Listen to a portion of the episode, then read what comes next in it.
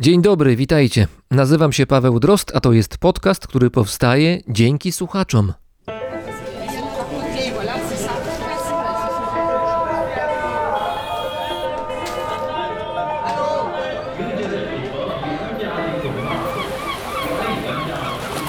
Brzmienie świata z lotu Drozda.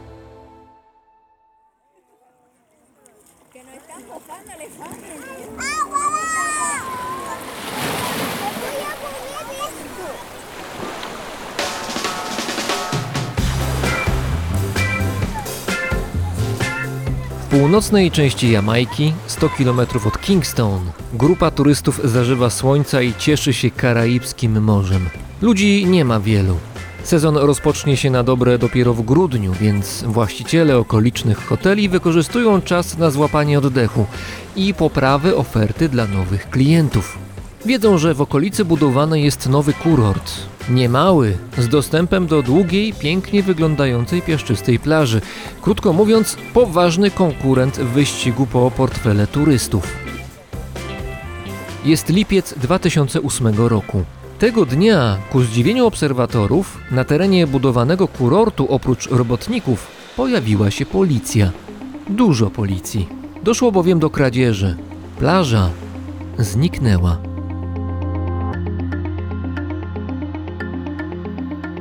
Jak się okazało w toku śledztwa, poprzedniej nocy na teren budowanego kurortu przyjechały nieznane ciężarówki.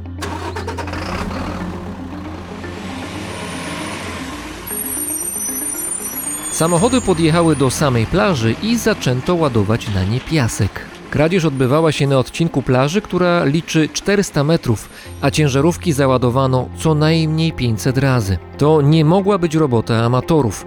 Wszystko wskazywało na doskonałą organizację i być może kradzież na zamówienie. Sprawą zainteresował się nawet ówczesny premier Jamajki, a politycy opozycji spekulowali, że w aferę byli zamieszani skorumpowani policjanci. Mimo, że media żartowały sobie ze złodziei, którzy kradną piasek, jeden z tropów zakładał, że piasek z plaży został sprzedany jako surowiec do budowy nowych hoteli na wyspie. Piasek w budownictwie jest wykorzystywany co najmniej od starożytności. Spektakularne i często bardzo trwałe konstrukcje Cesarstwa Rzymskiego powstały przy udziale betonu, a beton potrzebuje piasku. Mimo upływu lat i rozwoju technologicznego, w XXI wieku budownictwo wciąż nie potrafi poradzić sobie bez tego surowca naturalnego. Rocznie na świecie wykorzystywane jest ponad 40 miliardów ton piasku. To trzy razy więcej niż pod koniec XX wieku. Dzięki niemu powstają nowe budynki, mosty i drogi, ale też szkło i elektronika. Budowa tylko jednego domu jednorodzinnego średniej wielkości wymaga od 100 do 200 ton piasku. Budowa jednego kilometra autostrady 30 tysięcy ton.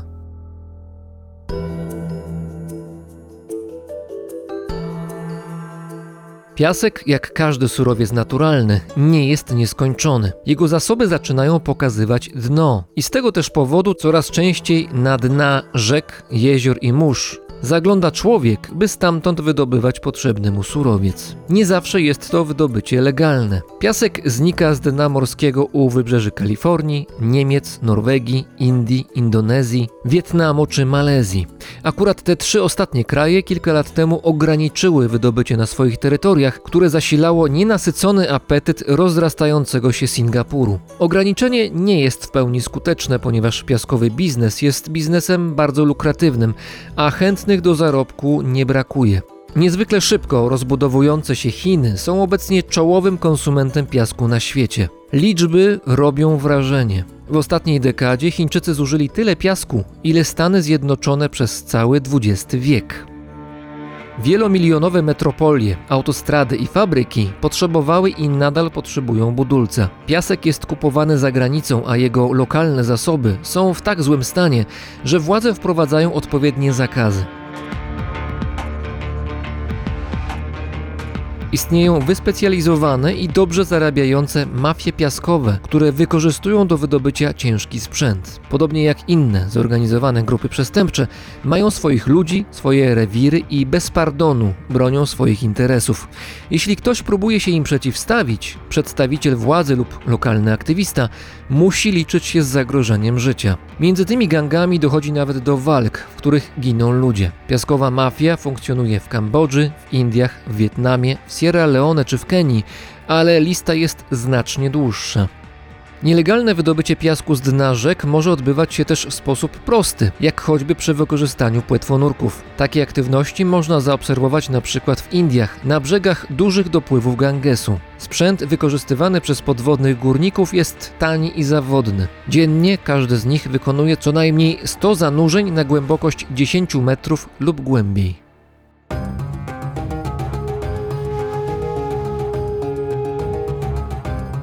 A co z pustyniami? Złodzieje nie są nimi zainteresowani, ponieważ nie mają dla nich żadnej wartości. Ziarna piasku pustynnego są zbyt drobne i zbyt okrągłe, by mogły prawidłowo związać się z cementem, tworząc beton. Z tego powodu ekstrawaganckie budowle Dubaju, takie jak gigantyczna wieża Kalifa, nie mogły być wznoszone przy pomocy wszechobecnego tam piasku. Choć przypomina to noszenie drew do lasu, Dubaj kupuje piasek za granicą, przede wszystkim w Australii. Wieża Kalifa wymagała ponad 121 tysięcy ton piasku oraz niemal 2 miliony metrów kwadratowych szkła, do powstania którego również potrzebny był piasek.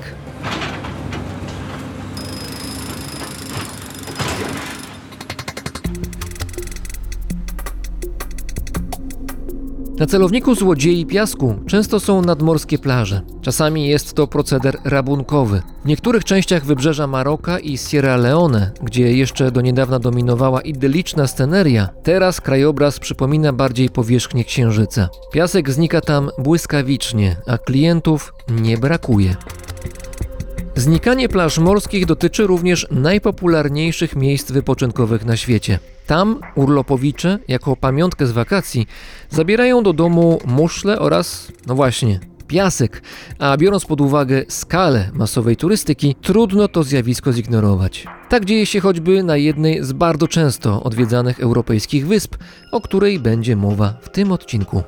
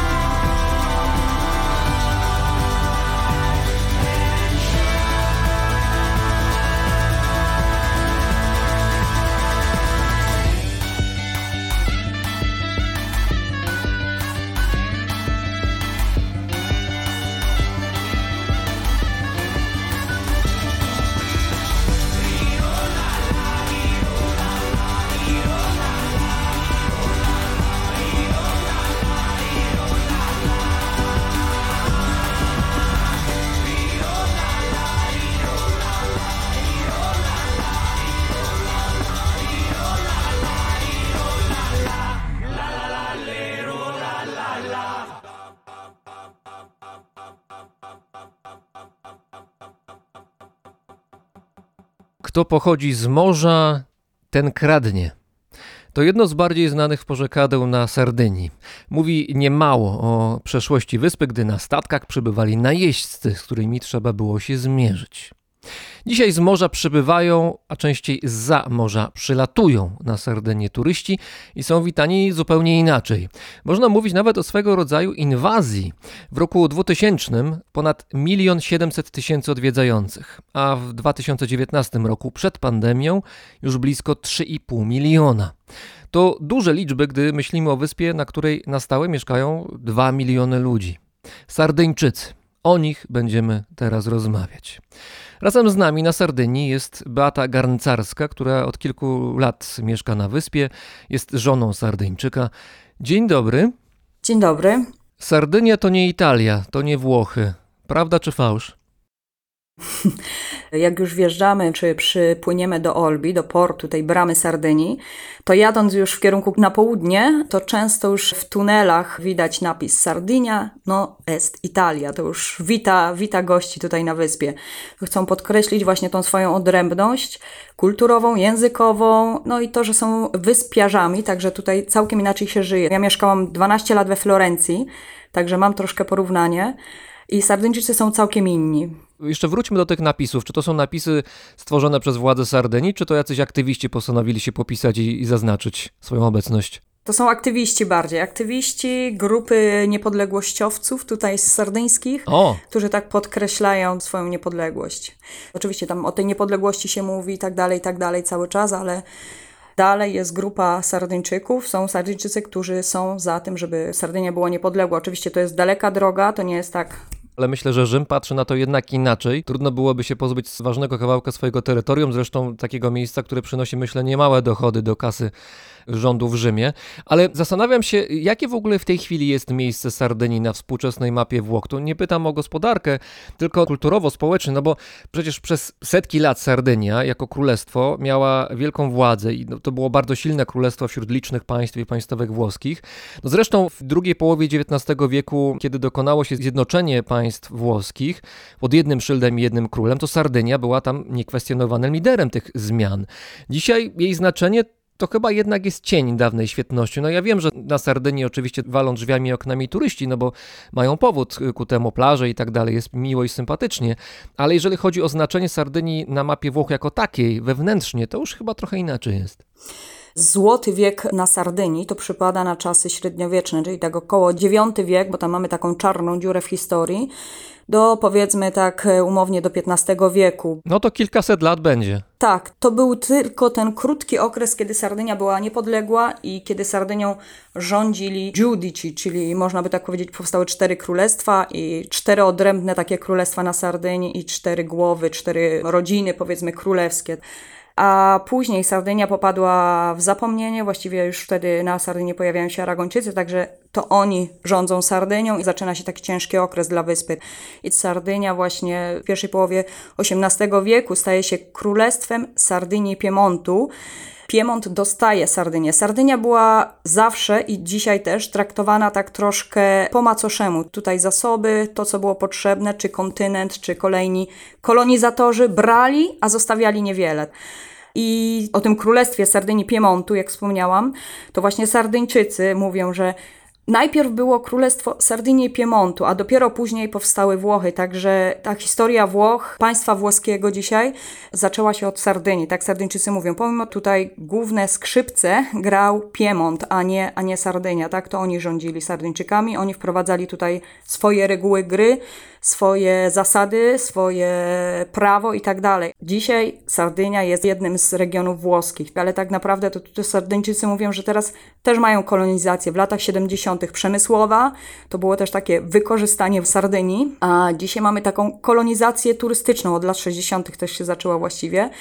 I to jest i pozytywne, i negatywne. Różnie do tego się podchodzi. Są grupy, są mieszkańcy Sardynii, którzy są super, mega zadowoleni, bo jest praca, bo rozwija się turystyka i tak dalej, ale są też Sardyńczycy właśnie, którzy tak patrzą dalej powiedzmy i mówią tak, turystyka, tylko że nie sprzedawać, nie oddawać naszej ziemi, kontynentali, jak oni tutaj mówią kontynentali, czyli Włochom lub obcokrajowcom, my powinniśmy dbać o to, żeby ta turystyka była, ale też myśleć o przyszłości, że nie dzisiaj wykorzystać ziemię, tereny i te pieniądze później idą na kontynent czy idą dalej, Sardyńczykom niewiele zostaje, tylko żeby zadbać przede wszystkim o tą turystykę powolną, zrównoważoną, żeby rozwinąć turystykę, ale docenić to, co się ma i dbać o to, co się ma, żeby zostało dla kolejnych pokoleń, a nie, że właśnie wspomniałeś o milionach turystów, którzy atakują w cudzysłowie Sardynię.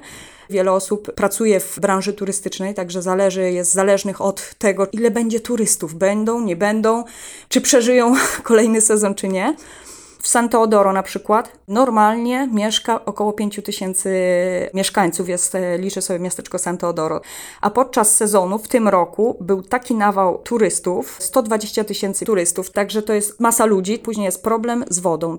Problem mają na przykład jest dwóch, trzech policjantów, żeby ogarnąć, bo niestety San Teodoro jest znane, jest coś tak jak Rimini. San Teodoro przyciąga, jest dużo dyskotek, przyciąga dużo młodzieży. No a z tą młodzieżą dzisiaj właśnie mieli problem no bo różnie, różnie się zachowują i San Teodoro protestowało i oni w tym roku mówili, że oni już nie chcą takiej turystyki, oni chcą, wolą mniej ludzi, ale z kulturą powiedzmy.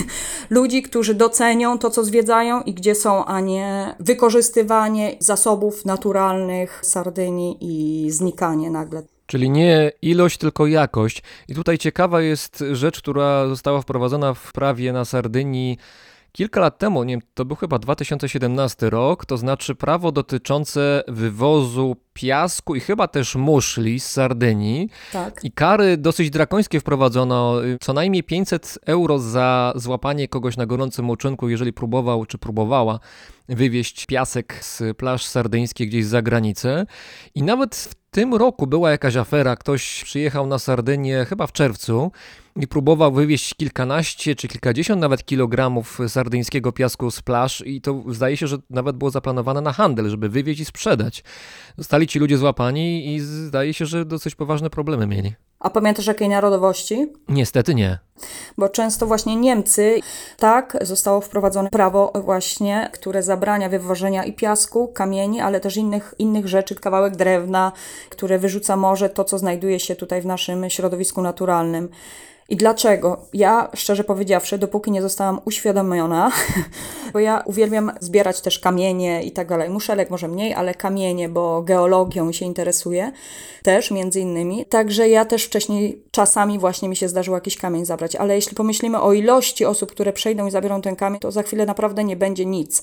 A taki kamień przyniesiony do domu, to on naprawdę no, zbiera kurz i on traci tą piękność w domu, u nas, czy w Polsce, czy w Niemczech, czy gdziekolwiek najpiękniej wygląda na plaży, w naturalnym środowisku, gdzie on leży. Także ważne jest, żeby, żeby tego nie zbierać. I ja się też kiedyś zastanawiałam, po, po jaką cholerę ludziom piasek w domu z Sardynii. Ale to jest chyba coś takiego, że człowiek reaguje w takiej sytuacji jakoś impulsem, to znaczy tu nie ma, nie ma logiki, tylko o jak tu ładnie i sympatycznie jest wino, sery, jedzenie, słońce, plaża, piękna woda, no znakomicie. Chciałbym coś wziąć z tego dla siebie oprócz zdjęć i wspomnień. Oto pierwsze co mi przychodzi do głowy to piasek. Jak będę miał piasek w takiej buteleczce, będzie stał przy telewizorze, przy jakichś książkach, to o sobie wspomnę Sardynię, będzie tak pięknie. Jedna buteleczka, druga, trzecia, czwarta i te 3,5 miliona ludzi, którzy się przewalają rocznie, przed pandemią tak było, przez Sardynię, to jak wyjadą wszyscy z taką buteleczką, to pół Sardynii zabiorą ze sobą. To ja polecam zamiast piasku, jeśli chcą jakąś pamiątkę piękną, to jest bardzo dużo rzemieślników i artystów, którzy tworzą czy ceramikę, czy ozdoby korkowe, czy różne, różne cudowne rzeczy. Także można zostawić troszkę pieniędzy właśnie dla osób, które coś tworzą naprawdę z sercem i to będzie dużo piękniejsza pamiątka niż właśnie taki piasek czy kamienie. A czy wiesz, jak to wygląda na lotnisku, czy na, przejściach granicznych na Sardynii? To znaczy, czy są policjanci, jacyś tacy piaskowi, którzy sprawdzają, czy ludzie w kieszeniach piasku nie mają? Jak to wygląda? Bo tak sobie próbuję to wyobrazić. Albo nie wiem, pies tropiący, który piasek tropi. Normalnie narkotyki, ale tutaj akurat piasek. Szczerze powiedziawszy, w porcie, jeśli ktoś ma samochód, samochodem podróżuje, to samochody nie są kontrolowane. Pełne bagażniki piasku pewnie teraz wyjeżdżają. A na lotnisku częściej się zdarza, bo na lotnisku jednak sprawdzają częściej, jeśli jest jakaś butelka. W pewnym momencie, jak tak głośno było właśnie o wywożeniu piasku, to były większe kontrole. W tym roku wszystko kręci się wokół COVID-a, także na razie o piasku się mniej mówi niestety, ale są na plażach też osoby, które na plażach i sami Sardyjczycy coraz większą mają świadomość tego, że to jest ich bogactwo, że jak tego nie będzie, to nie będzie ludzi, nie będzie, nie będzie turystyki. Także oni sami też zwracają uwagę i upominają, i jeśli jest jakaś policja w pobliżu gdzieś, to dzwonią i mówią, że tu są takie osoby, i nagrywają, wysyłają do danych organów, żeby powiedzieć, co się dzieje. Obywatelska Straż Piaskowa. Tak, dokładnie. No ale co jakiś czas pojawia się w telewizji właśnie informacja, że złapano właśnie. To są takie bardziej wyrywkowe kontrole, nie że każdego sprawdzają. Ale to, że są ludzie jacyś łapani, świadczy o tym, że problem jest. Tak, tak, problem jest, ale coraz większa świadomość jest, tak? Trzeba edukować, zaczynając od Sardyńczyków, a kończąc na turystach.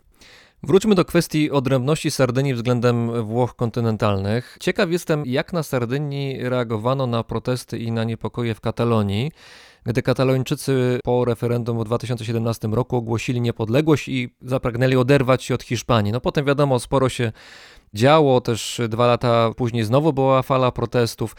A to dlatego może być istotne dla Sardyńczyków, no bo dla Sardynii Katalonia to jest trochę tak jak kuzynka. I tak i nie. Katalończycy to byli jednymi z kolonizatorów Sardynii, także przez wiele wieków też e, tutaj były prowadzone walki Sardyńczyków z Aragończykami. Mowa o 1324, kiedy tutaj Aragończycy zaczynają podbijać Sardynię, najpierw od Cagliari, a później 1355 Alghero. No i zaczynają powoli zajmować całą Sardynię. Ta szala cały czas się tam przekręcała, raz na sardyńską stronę, raz na aragońską. Tutaj jeszcze były też dwie potęgi morskie na Sardynii, Pizańczycy i Genuejczycy. Można powiedzieć, że Sardynia jakoś w kleszczach była, to znaczy była obiektem zainteresowania co najmniej kilku istotnych sił w regionie. Tak, dokładnie, bo Sardynia, jeśli spojrzycie na mapę, znajduje się w takim e, strategicznym e, miejscu, a Pisa, Genua, tutaj rzut beretem od Sardynii się znajdują. Pizańczycy, Genuejczycy skąd się tutaj znaleźli? Oni pojawili się tutaj u wybrzeży Sardynii, na Sardynii, szukając rynków zbytu, czyli przypływali do portów sardyńskich, handlując towarami ówczesnymi, ale też z czasem Sardyńczycy poprosili ich pomoc w odparciu ataków tutaj Arabów, którzy też zajęli Sycylię, zajęli Hiszpanię i też mieli ochotę na Sardynię. Także Sardynia była cały czas atakowana przez piratów, przez Arabów, którzy porywali też Sardyńczyków dla okupu, sprzedawali jako niewolników na targach, między innymi Tunezja i tak dalej. No a, z czasem Pizańczycy, Genuejczycy dostali w podziękowaniu za pomoc, dostali ziemię, później oczywiście dostali palec, chcieli całą rękę, także Pizańczycy zajęli głównie Cagliari, właśnie dzisiejsze Cagliari, Casteddu, czyli serce stolicy Sardynii, założone, zostało założone przez Pizańczyków i całe wschodnie wybrzeże tutaj od Olbi w dół, Galurę, czyli ten północny region, aż e, na południe. A natomiast Genuejczycy osiedlili się na zachodnio-północnym wybrzeżu, tam właśnie założyli innymi Alghero, zostało założone przez nich, a to północno-zachodnie wybrzeże zajęte już przez Genuejczyków głównie. Aragończycy zajmują Alghero, to jest połowa XIV wieku. Tak się mówi, że Alghero to jest ta głównie mała Barcelona, że kataloński, Katalonia, ale tak naprawdę to dzisiaj te kataloński w Alghero to już też garstka osób rozmawia o tym starym katalońskim, archaicznym katalońskim. I oczywiście kultura. Kultura hiszpańska, aragońska, później hiszpańska oczywiście jest bardzo widoczna na tym zachodnim wybrzeżu. Przejawia się między innymi w tych rytuałach religijnych, wielkanocnych, przejawia się właśnie w języku i w innych też dziedzinach życia. No z tego co słyszałem, to jeżeli Katalończyk z Barcelony by przyjechał, przyleciał na Sardynię, właśnie tę część zachodnią, to prawdopodobnie by się nawet po katalońsku z Sardyńczykami z tej zachodniej części wyspy dogadał. Ale tylko Alghero. Tylko Alghero i to niekoniecznie, bo mamy znajomych takich zagorzałych y, właśnie niepodległościowców z Katalonii i oni często przyjeżdżają szukać właśnie takich powiedzmy korzeni w Alghero, także mówią i tak i nie, bo to jest archaiczny język, archaiczny język, który stracono kontakt po tym jak stracono kontakt z Barceloną i także ten język już nie, nie zmieniał się, nie przechodził ewolucji językowych, tak jak na przykład w Katalonii. Także to mamy ten archaiczny język. Można się porozumieć, ale też niekoniecznie to jest do końca prawda. To teraz porozmawiajmy o języku, skoro już troszkę o tych elementach archaicznego katalańskiego już porozmawialiśmy. Istnieje język sardyński, a właściwie to kilka jego odmian, kilka dialektów języka sardyńskiego. W tej chwili zdaje się od kilku lat zaczyna się rozpędzać jakiś taki proces odrodzenia języka sardyńskiego. Powstają szkoły, częściej jakieś studia. Teraz e, jesienią ma powstać kolejny kierunek na jednym z uniwersytetów na Sardynii, który związany jest właśnie z badaniem kultury sardyńskiej też przez pryzmat języka. Co to jest w ogóle za język? Na ile to jest podobne, a na ile niepodobne do języka włoskiego? Język sardyński, salim basarda, jak po sardyńsku mówią, do niedawna lingwiści twierdzili, że język sardyński to jest najstarsza taka powiedzmy odmiana łacińskiego. Łacińskiego dlaczego? Bo tutaj Sardynię zasiedlili oczywiście też Rzymianie, mieliśmy wszystkich po kolei. Fenicjanie, Kartagińczycy, Rzymianie, Arabowie, wszyscy, wszyscy z Tak, okolicy, to którzy mogli wcześniej. przyjechać, to przyjechali w odwiedziny. Tak, jak to mój mąż mówi, Klaudio mówi, że turystycznie przybywali, turyści o już od wieków. Turyści ze średniowiecza. Od X wieku przed naszą erą to Fenicjanie zakładają pierwsze miasta w ogóle, to zasługa Fenicjan, ale to pokojowe zasiedlenie, także tak dogadali się z ówczesnymi Sardyńczykami. Ale wracając do języka, na dzień dzisiejszy są różne właśnie szkoły, które twierdzą skąd pochodzi, jakie są początki języka sardyńskiego na wyspie. Kultura sardyńska to była kultura mówiona, przekazywanie z pokolenia na pokolenie informacji, legend, tradycji i tak. Także nie mamy żadnych źródeł pisanych, szczególnie o tej cywilizacji nuragijskiej, która tutaj na wyspie znajdowała się, rządziła. Jedna pewnie z ważniejszych w basenie Morza Śródziemnego, mowa tu o XVIII wiek do V wieku, mniej więcej przed naszą erą.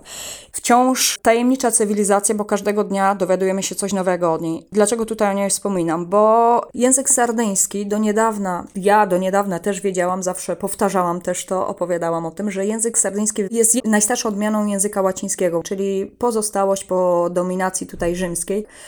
Ale mamy takiego heretyka, lingwistę, Salvatore de Dola, który właśnie twierdzi, że język sardyński ma znacznie, znacznie starsze pochodzenie. Sięga już e, Sumerów, starożytności.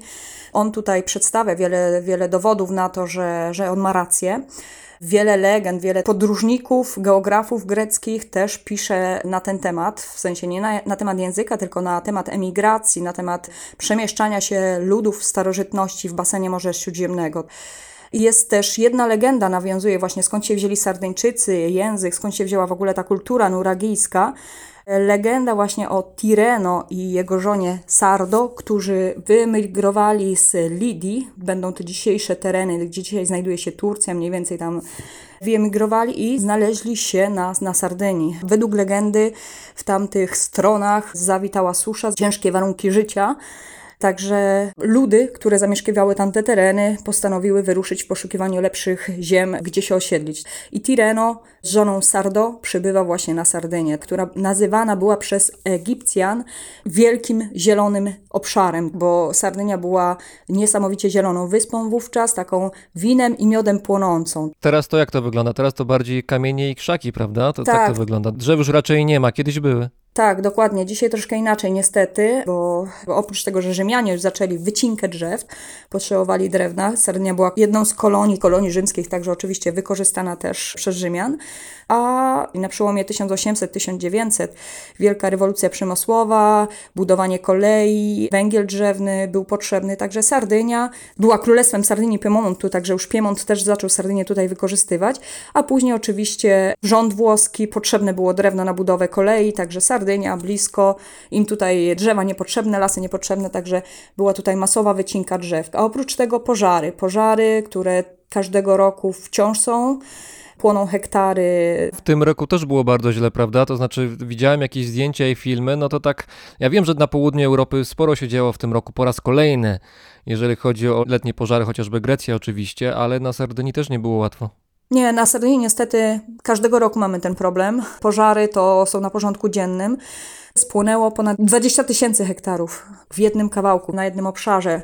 Także to jest bardzo dużo. Oprócz tego, że na tym zachodnim wybrzeżu płonęły, płonęły też inne mniejsze kawałki Sardynii, na przykład Galura, czyli ten północny region, tylko na szczęście zdołano opanować w porę. A te pożary to jest efekt też takiej powiedzmy mafii, mafii pożarowej. Połowa, 50% pożarów na, na Sardynii to są pożary, które są Są podpalacze, podpalacze osoby, które mają nie po kolei w głowie, ale są też osoby, którym płacą za to, tak? Ale dlaczego? Ale zaraz próbuję zrozumieć, po co ktoś miałby chcieć podpalić las.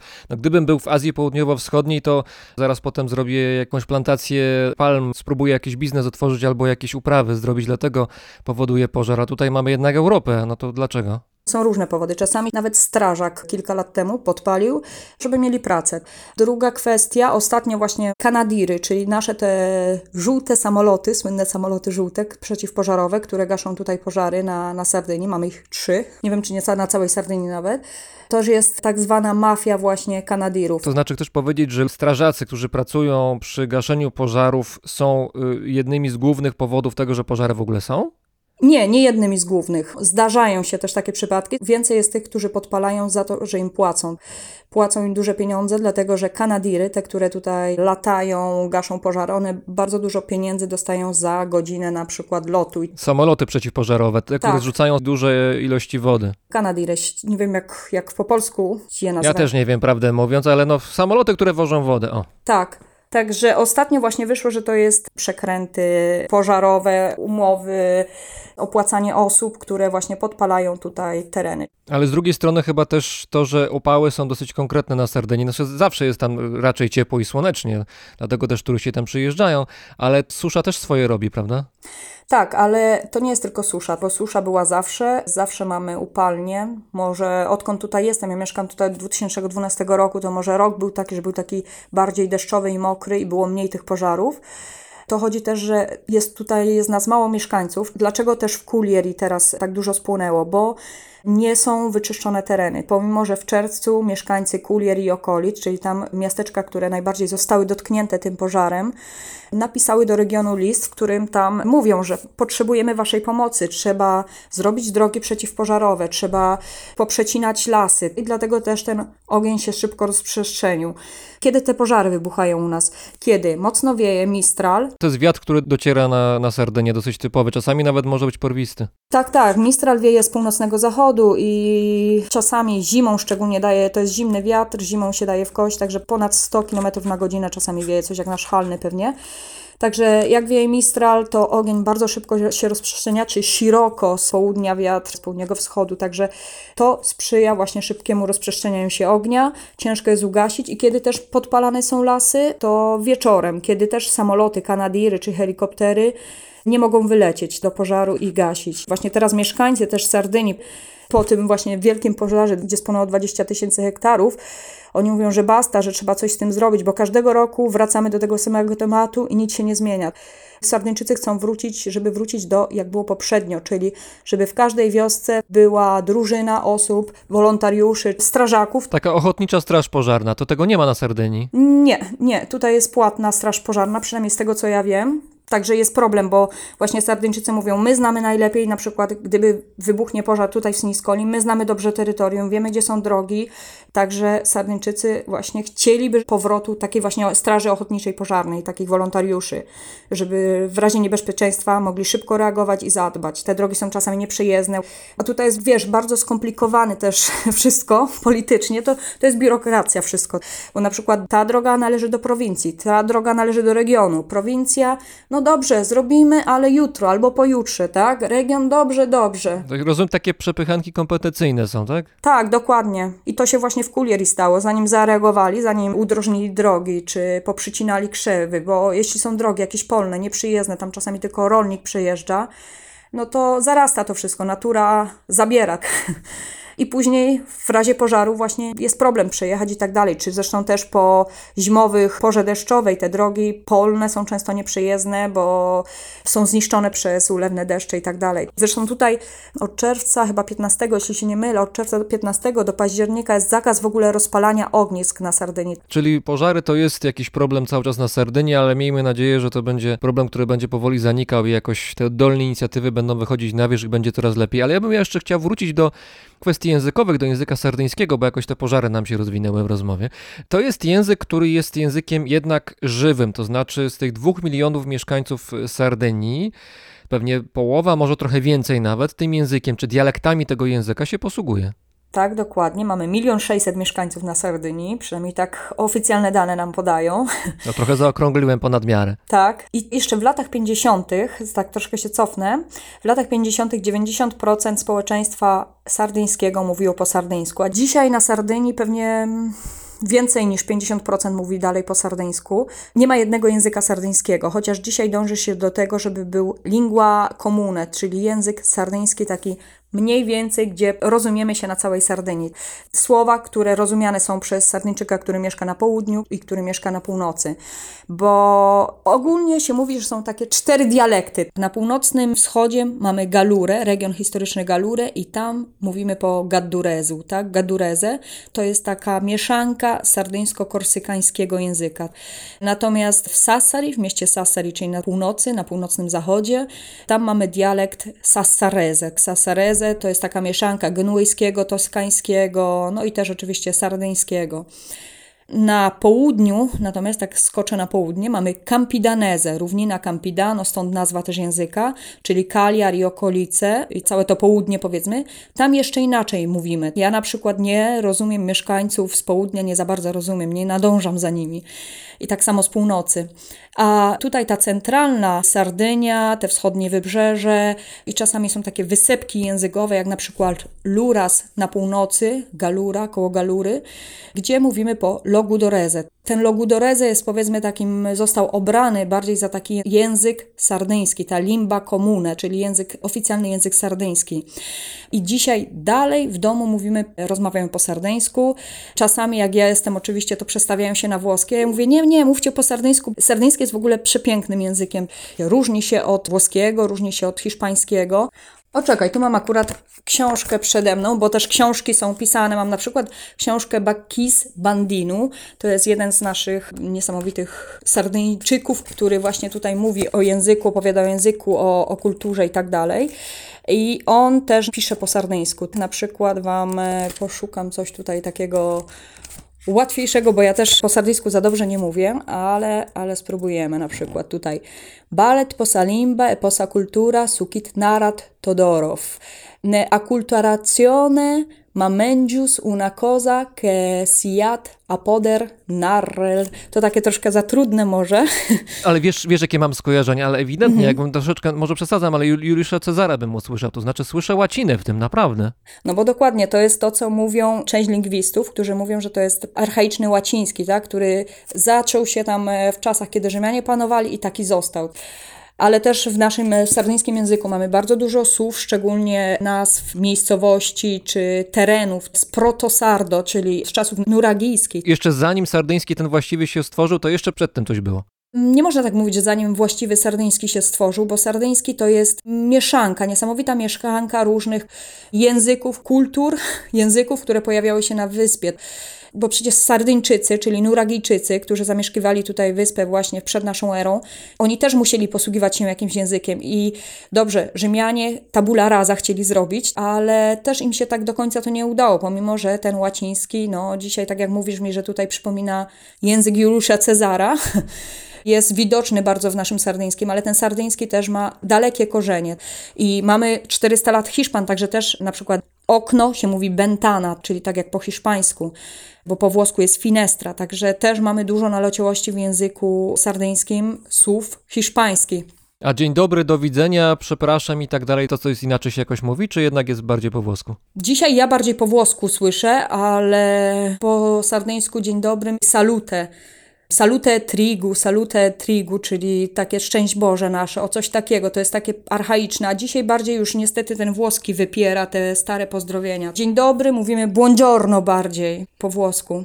Z jednej strony wiem, że język sardyński jakoś wraca na uniwersytety, wraca do szkół, jest uczony, jakoś pielęgnowany, jest jakiś rodzaj odrodzenia kultury sardyńskiej opartej o język coraz bardziej, ale z drugiej strony mówisz, że język włoski wypiera język sardyński. To wobec tego, jak twój mąż Claudio się posługuje, jakim językiem zazwyczaj?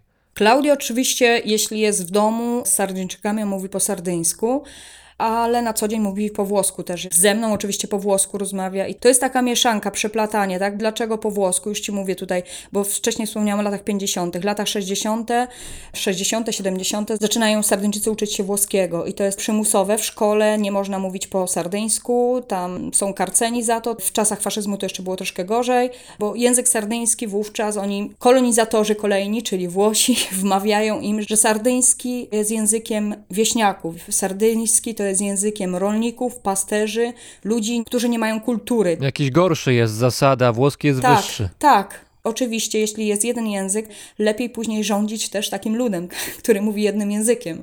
Bo język to nie są tylko słowa, to jest cała kultura. Tak jak poezja, mówi się poezja, książki, najlepiej czytać w języku madrelingua, czyli w języku ojczystym, bo przetłumaczone to traci sens. Dlatego od 99 język sardyński został uznany jako język, nie jest dialektem, tylko jest jednym z 12 mniejszości językowych we Włoszech. Zawsze były osoby, które buntowały się czy nie chciały mówić po włosku, no ale niestety administracja, wszystko jest po włosku, także jeśli chcesz się dogadać, jeśli chcesz komunikować, być obecny w dzisiejszym świecie, no to musisz mówić po włosku. Ale bardzo dużo Sardyńczyków w domu wciąż rozmawia. I wracając do odnowy tego języka sardyńskiego, jest bardzo dużo stowarzyszeń, gazety wychodzą po sardyńsku.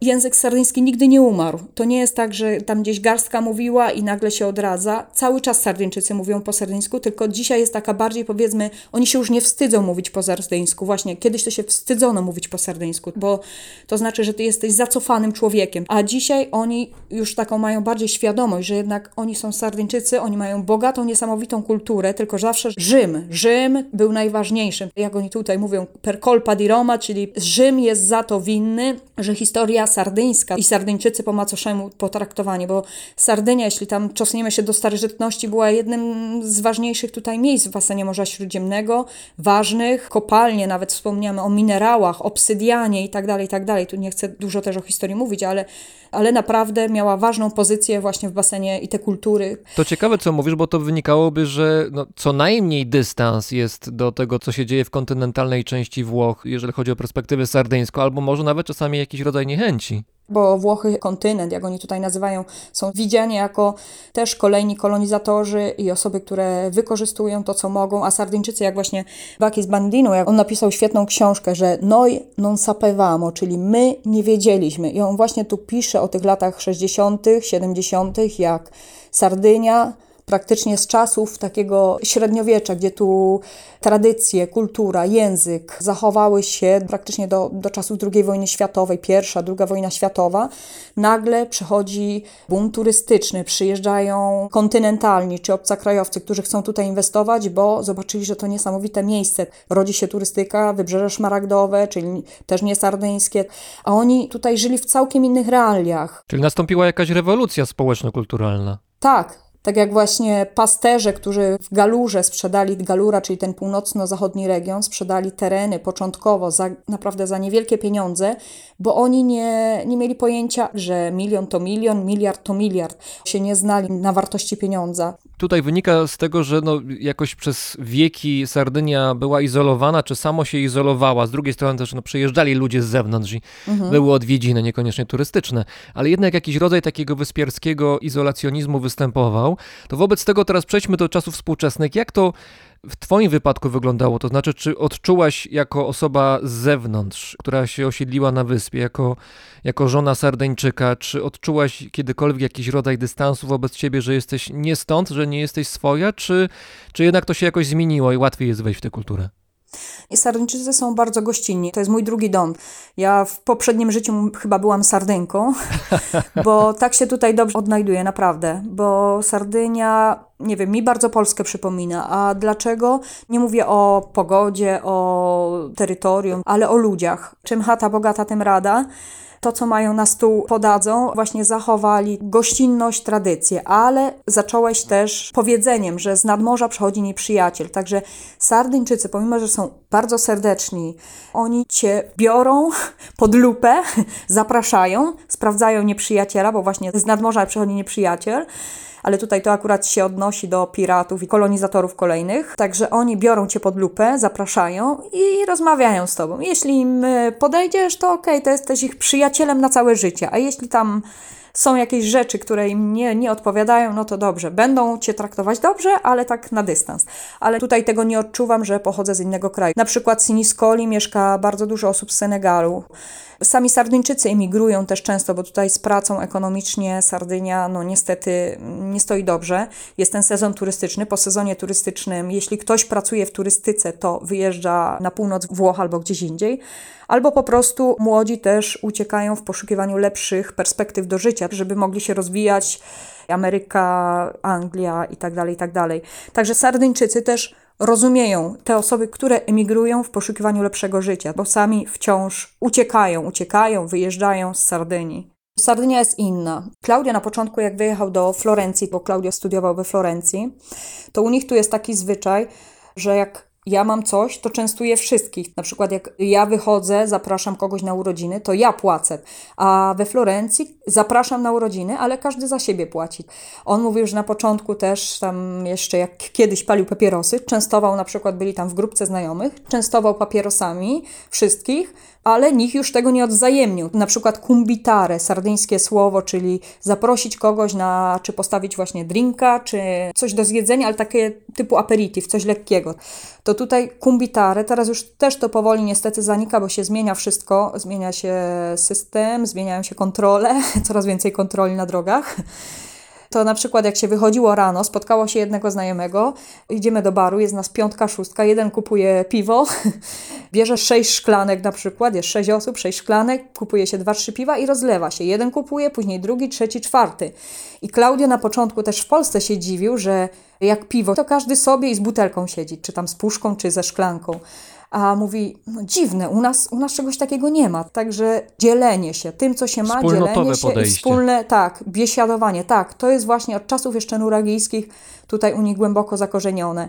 Dzisiaj, tak jak Ci wspominałam już wcześniej, no niestety zmieniają się troszkę czasy, ale wyobraź sobie, 50 lat temu, 60 tutaj była całkiem inna Sardynia.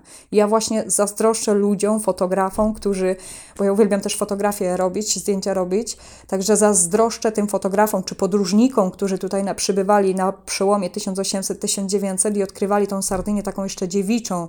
Naprawdę, musisz przyjechać zobaczyć. Każdy jak przyjeżdża, to traci, traci serce. Nie wiem, jest coś w tej Sardynii. Ja sama, jak byłam tu pierwszy raz, e, dotarłam na Sardynię właśnie w 2007, bo z Klaudią już jesteśmy 15 lat tam, że rok wcześniej się poznaliśmy, to był taki niedosyt. Wróciłam do Florencji i czułam, nie, ja chcę coś więcej, ja chcę więcej odkryć. No, niesamowita jest Sardynia. Pewnie ta archeologia, ta ich kultura, ta ich serdeczność, te właśnie świętowanie. No niestety przez COVID jesteśmy troszkę takim stand-by, żyjemy w takiej bańce szklanej, tak dziwnie, naprawdę nierealna sytuacja bo tutaj prawie zawsze coś się dzieje, zawsze są jakieś imprezy lokalne, festyny, święto patrona, karnawał. I oni się wszyscy spotykają. Latem biegamy, wszyscy pracujemy, czasami już nie kontaktujemy, nie wiemy jak się nazywamy nawet. A jesienią, no, no to widzimy się jesienią tam na Cortes Apertas, na podwórku. Cortes Apertas, co to są? To są otwarte podwórka, to jest taki festiwal, można cykl spotkań z kulturą, jedzeniem, z kulturą Sardynii. I jak to wygląda? Od pierwszego weekendu września do połowy grudnia, w każdy weekend, w miasteczkach w Barbadzie, czyli ten taki region serce Sardynii, region e, górski Sardynii, otwierają stare domy Sardyńczycy. Można popróbować ich lokalnych produktów, kuchni, posłuchać jak śpiewają, bo prawie każdy dzisiaj, każda, większość tych wiosek bardziej tradycyjnych, małych, wciąż mają swoją grupę folk, stroje tradycyjne. Nie tak jak u nas, że tylko tam czasami. Tutaj jak jest jakieś ważne święto, to do kościoła też jest procesja w strojach tradycyjnych, szczególnie jak jest święto patrona albo jakieś ważne święto religijne w miasteczku.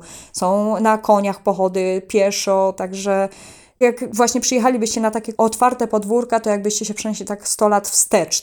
Bardzo dużo Sardyńczyków coś tworzy, ceramikę czy coś dłubią w drewnie. Ekonomicznie z pracą jest różnie, ale oni sobie zawsze zajęcie znajdą. To żeby jeszcze dorzucić do tej niezwykłości osobności Sardynii, to trzeba jeszcze powiedzieć, że kilka lat temu przez media przeszła wiadomość, że Sardynia mogła być mityczną Atlantydą. Według niektórych hipotez na Morzu Śródziemnym doszło do jakiegoś rodzaju naturalnej katastrofy. Czasami się mówi, że jakiś meteoryt uderzył w morze. Powstały olbrzymie fale porównywane do tsunami, które podobno dotarły do Sardynii i tam zniszczyły prawie całą cywilizację ówczesną, gdzieś tam dawno, dawno, dawno temu. Morskie Pompeje powstały i teraz dopiero Sardynia po tej wielkiej katastrofie się odrodziła i Atlantyda, która kiedyś była Sardynią, to jest właśnie tam, to znaczy na terenie Sardynii. O tej katastrofie morskiej też jakoś pisał Platon, są jakieś ślady u Homera, teoria jest i nawet były badania, byli archeolodzy, różnego rodzaju specjaliści, ale ja jestem ciekaw, czy Sardyńczycy jakoś tak się tym przejęli, że może kiedyś byli Mm, szczerze powiedziawszy, nie. Mamy tu właśnie dziennikarza Sergio Frau, który napisał książkę i w ogóle są też filmy dokumentalne na temat jego teorii, że Sardynia to właśnie zatopiona, zaginiona Atlantyda. O cywilizacji, o której była mowa, to cywilizacja nuragijska, bo co się stało z tą cywilizacją nuragijską, co się z nią stało? I Sergio Frau wędruje tam na południu, bo na południu Sardynii jest to widoczne, tak jak on to twierdzi, czyli to tsunami, fale tsunami, które przeszły i pokazuje Nuragi, jak dużo błota, jak dużo fango, czyli błota, czyli tych pozostałości, które naniosły podobno fale, jest. Nuragi to są kamienne wieże, ponad 20 metrów miały. Do dzisiaj zachowało się około 8 tysięcy wież w różnym stanie. Niektóre są niesamowite, przypominają średniowieczne zamki, złożone, niektóre są pojedyncze wieże rozrzucone po całej wyspie. I na południu większość tych wież właśnie znajdują się pod ziemią, tak? Są zasypane jeden właśnie Barumin, jeden z najważniejszych nuragów, który dzisiaj jest wpisany na listę UNESCO, został właśnie odkryty przez Giovanniego Liliu i był tak przysypany właśnie ziemią. Także Sergio, wracając do Sergio, Sergio twierdzi, że właśnie przeszło tsunami, że Sardynia jest tą Atlantydą. Ale tak naprawdę archeolodzy, bo ja mam też dużo przyjaciół archeologów, to oni tak mówią, no nie mam na to dowodów, także ja nie mogę stwierdzić, że y, było tu tsunami. Sergio robił poszukiwania, bazował na różnych źródłach, tak jak tu wspomniałeś, Platon i tak dalej, źródłach historycznych, geografów też, Ptolomeusza i tak dalej, różnych podróżników z przed naszą erą i naszej ery, którzy właśnie opisują, jak wyglądała Sardynia, jak życie w basenie Morza Śródziemnego ale badania archeologiczne wykopaliska nie potwierdzają jego test. Także dzisiaj się tak mówi, a nie wiadomo, co będzie za 10 lat, za 5, bo coraz więcej prac wykopaliskowych jest prowadzonych i ja tu mieszkam od 2012 i każdego roku, praktycznie każdego dnia czegoś nowego się dowiaduję o zamierzchłych czasach Sardynii. Mamy nuragi, mamy cywilizację nuragijską, pewnie jedna z ważniejszych w basenie Morza Śródziemnego. Jest wiele szkół, wiele hipotez, wiele hipotez, różnych hipotez na temat w ogóle powstania Sardynii, skąd są Sardyńczycy. To jest cały czas w ciągłej ewolucji. To, co ja dzisiaj Ci opowiadam, może za rok, za dwa będzie już całkiem coś innego. Tak jak kanonału, szczep kanonału, jeden z, z najważniejszych na Sardynii, bo mamy jeszcze Vermentino, jeden z najczęściej uprawianych. Mówisz o szczepie winogron? Tak, szczepie winogron. Jeszcze do niedawna sądzono, że on był tutaj przywieziony przez Hiszpanię, a kilka lat temu, prowadząc wykopaliska, znaleziono ziarenka winogron, i stwierdzono, że kanonału już Nuragijczycy uprawiali winorośl, XVIII, powiedzmy XV wiek przed naszą erą, tak? I jeszcze zanim, zanim Aragończycy, zanim Hiszpanie się pojawili na miejscu. Dokładnie. Także dzisiaj możemy powiedzieć, że to jeden z najstarszych szczepów na wyspie. To jeżeli chodzi jeszcze o historię, to jedna rzecz bardzo mnie zaciekawiła, to historia zdecydowanie nowsza, to, że jeszcze do połowy XX wieku na Sardynii były dosyć poważne problemy z malarią. I dopiero gdy powszechnie zaczęto stosować tam no, dosyć kontrowersyjny, ale jakoś też skuteczny środek owadobójczy DDT, problem z komarami, więc też z malarią, przyszedł do przeszłości. A Sardynia to przecież no, wyspa jednak dosyć wysoko położona, jeżeli chodzi o kwestie geograficzne, no, blisko kontynentalnej Europy. Dobrze słyszałeś, do lat 50. tutaj panowała malaria na, na Sardynii, przywieziona prawdopodobnie przez Kartaginę, czyli V wiek przed naszą erą, czyli od V wieku Sardyńczycy zmagali się z tą malarią. W sumie z drugiej strony Tunezja jakoś od południowych wybrzeży Sardynii też daleko nie jest. Nie, około 200 kilometrów tak średnio, także to nie jest, nie jest aż tak daleko. A komary, które rozprzestrzeniały malarię tutaj, znalazły sobie idealne podłoże. Dlaczego? Dlatego, że Wokół wybrzeży Sardynii mamy bardzo dużo lagun, także idealne miejsce, gdzie mogły się rozmnażać. I stąd też właśnie Sardyńczycy uciekali z wybrzeża, nie zamieszkiwali na wybrzeżu, dlatego oprócz piratów malaria też. Także te miasteczka takie historyczne, bardziej starsze, które mają już troszkę wieków, to są bardziej w górach położone. Dopiero po II wojnie światowej zaczęto właśnie, tak jak wspomniałeś, tą DDT, zaczęto, Sardynia została podzielona na tysiące kawałków drużyny osób były przeznaczone do każdego z tych kawałków i zwalczali właśnie komara w ten sposób. To tam były takie pompki ręczne, z, Tak. z tłoczkiem i to się tak rozsiewało czy rozpalało. Rozpylało coś jak opryskiwacz nowoczesny. Troszkę coś takiego, Ta- ale te pompki były bardzo charakterystyczne, to taki znak czasów wtedy, kiedy właśnie DDT gdzieś tam swój marsz przez świat rozpoczął, ale wspomnieliśmy troszkę chwilę temu o geografii y, że do Tunezji tam jakieś y, 200 kilometrów mniej więcej jest od południowych wybrzeży, a ja bym chciał się na chwilkę przenieść na północ, to znaczy mam na myśli chyba najbliższego waszego sąsiada, czyli Korsykę. No z Sardynii to jest rzut kamieniem, jakieś 10 kilometrów, tam jest cieśnina świętego Bonifacego, która uchodzi za dosyć niebezpieczną. Jak wam się żyje z Korsykańczykami? To znaczy, to jest terytorium jednak zależne od Francji, ale z drugiej strony bardzo bliskie, geograficznie przynajmniej, a kulturowo i społecznie jak to wygląda? Kulturowo też bardzo blisko. Korsyka to jest taka siostra Sardynii, tylko taka młodsza, z tymi wysokimi szczytami, zielona. Pracowałam też na Korsyce, także jeśli chodzi o kulturę, jest bardzo podobna do sardyńskiej. Zresztą pasterze z Korsyki, z południa, przez archipelag Maddaleny emigrowali na, zasiedlili Galurę, oczywiście nie całą, bo tam też byli Sardyńczycy, ale pojawili się na Sardynii. Język w ogóle korsykański to jest nic innego jak stary genuejski włoski język, bo Korsyka do końca 1700 należała przecież do Genui. Dopiero później w walkach Korsyka przechodzi właśnie do Francji, staje się z francuską wyspą. Korsykanie, oni też podobnie jak Sardyńczycy buntowali się, chociaż Sardyńczycy mniej. Korsykanie właściwie są bardziej zadziorni. Buntowali się przed zasiedleniem ich szczególnie tego wschodniego wybrzeża, tam Porto Vecchio, gdzie są najpiękniejsze plaże, taki powiedzmy bardziej płaski teren, płaskie wybrzeże. Tam też często z kontynentu obcy, jak oni tutaj mówią, zasiedlali się, kupowali ziemię i za, zasiedlali się na Korsyce, także często byli częstowani bombkami.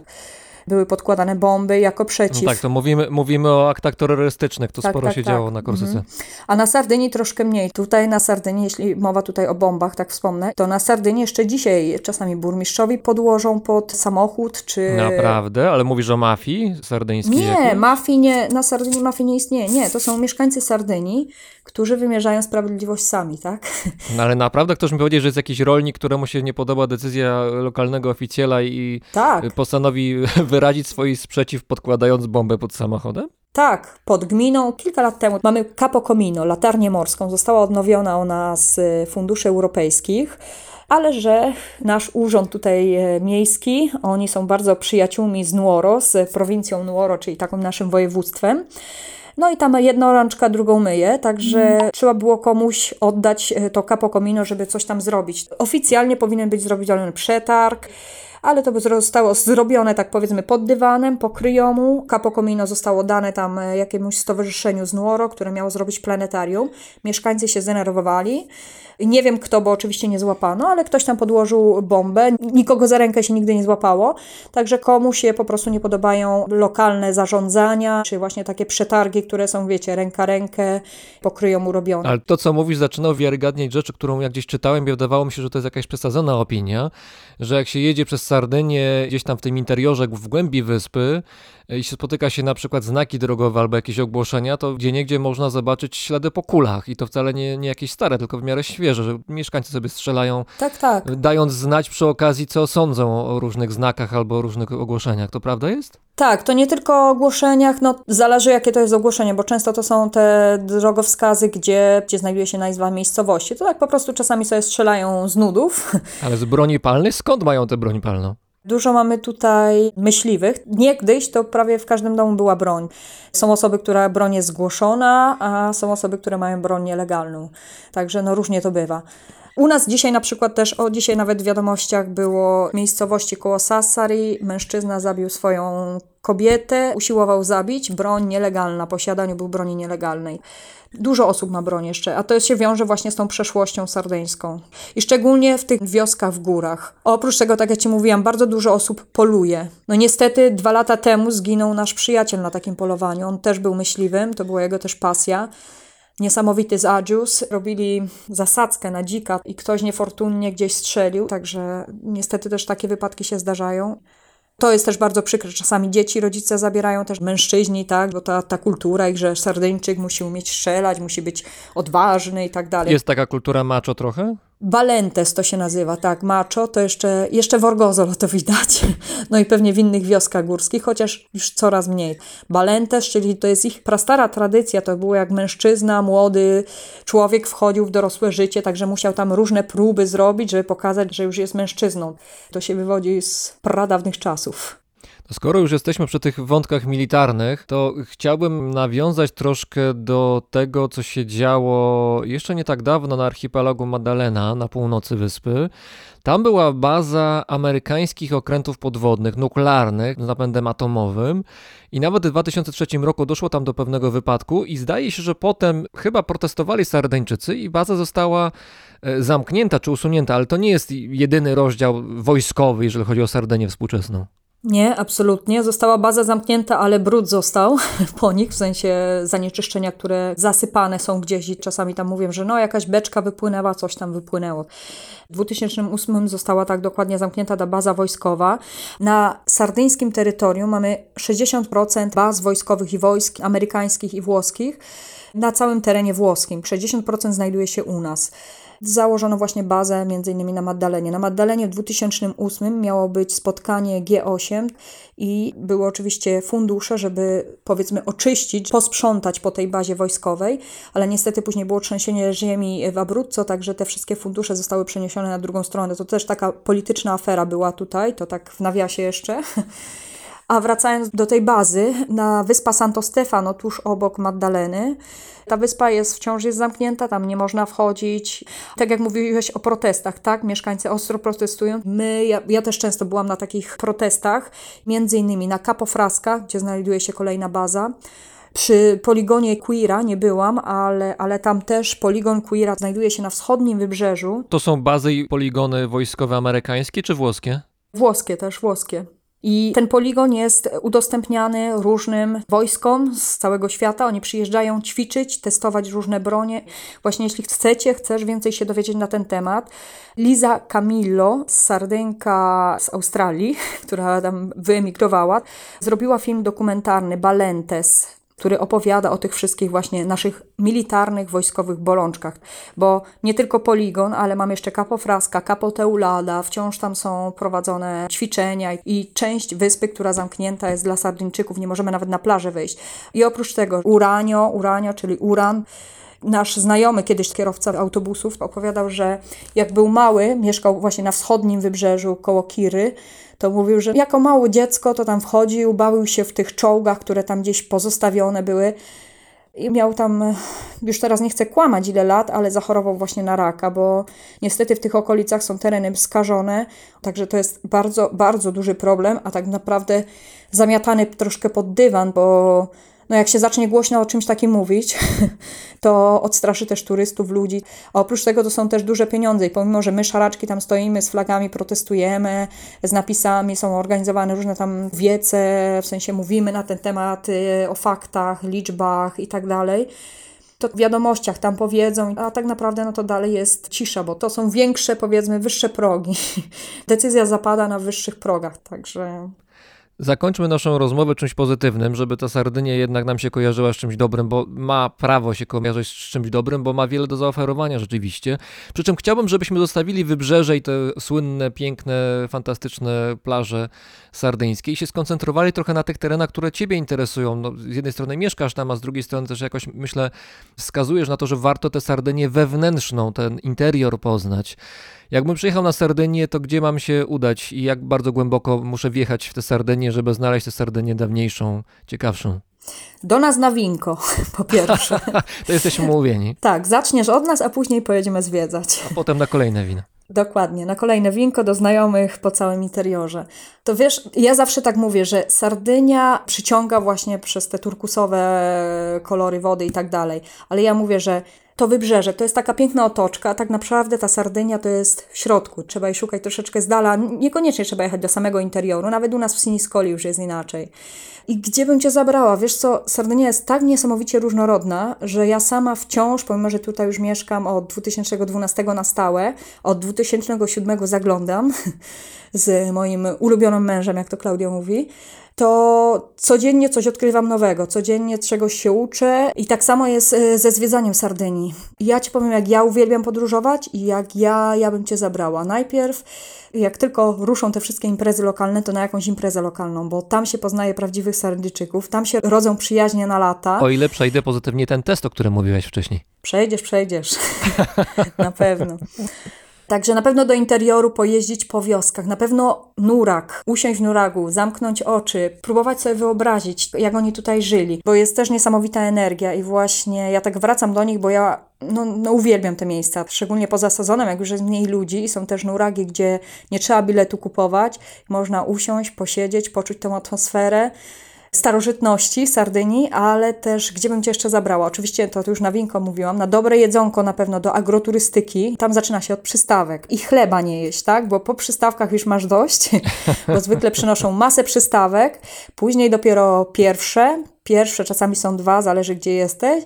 No drugie, drugie to jest zwykle pieczony prosiak, ale to też zależy od regionu, gdzie jesteś, bo Sardynia jest różnorodna, to jest jak prawie kontynent. I winko oczywiście i oczywiście jeszcze deser jest do tego. Na pewno trzeba jest, po deserze przechodzi kawa, no i po kawie trzeba jeszcze amatza kafe, czyli trzeba kawę zabić, czyli trzeba się napić jakiegoś digestivo, czyli coś na trawienie, co pomoże nam przetrawić, czyli albo mirto, albo ich domowy bimberek. Mi Mirto to likier, prawda? Tak, mirto to jest likier, ale zanim się stanie likierem, to jest taka roślinka śródziemnomorska, która rośnie tutaj między innymi u nas, ale też na Korsyce, bo na Korsyce też robią mirto. I z niej właśnie z jagód mirto w grudniu zbieramy, robimy e, niesamowity likier. Taki ziołowy, czasami mówią, że smakuje jak syrop, ale się trawi dobrze po czymś takim, po takiej naleweczce.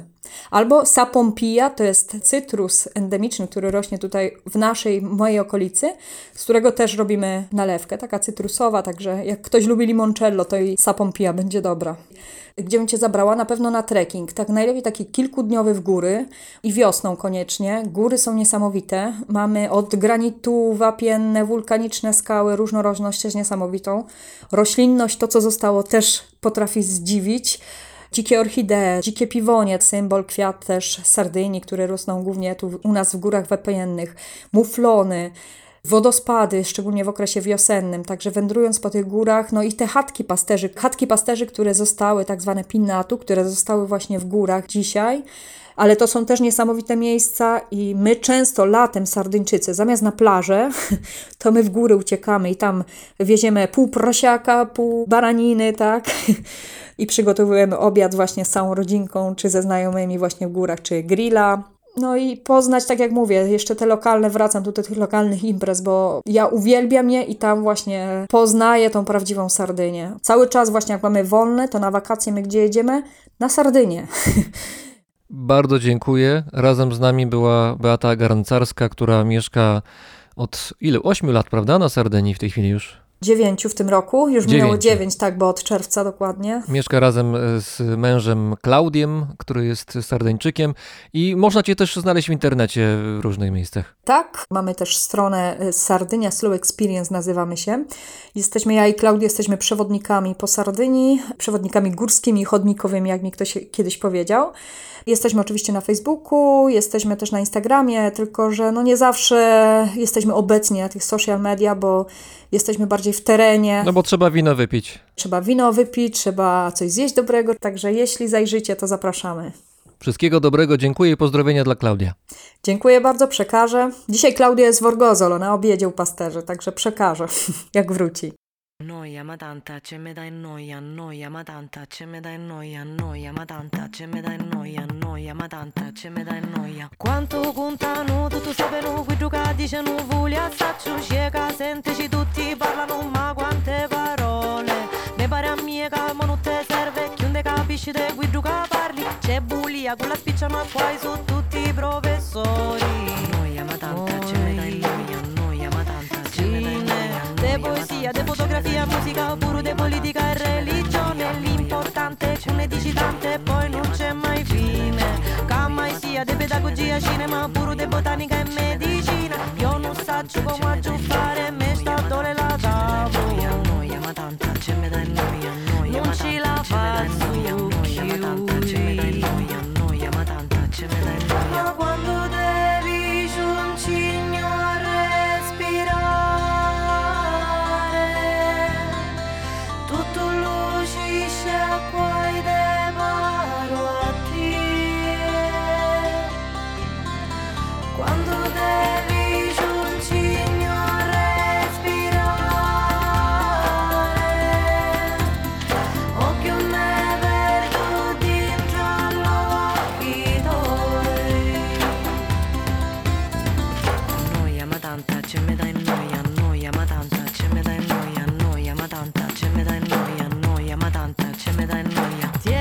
predechi, predechi, punti, qui giuca facendo tutti quanti, nulla chianti, sta me tormenti, dico ma dai guardata, non tengo pace, che non sto capace, cu faccio la parte, qui non mi piace,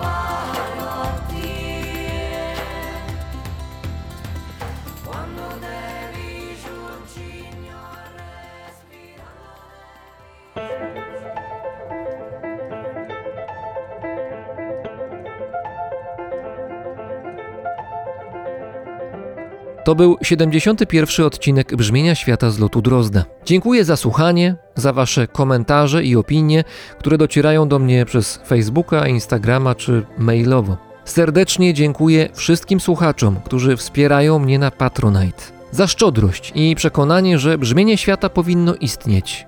I istnieje dzięki Waszej pomocy.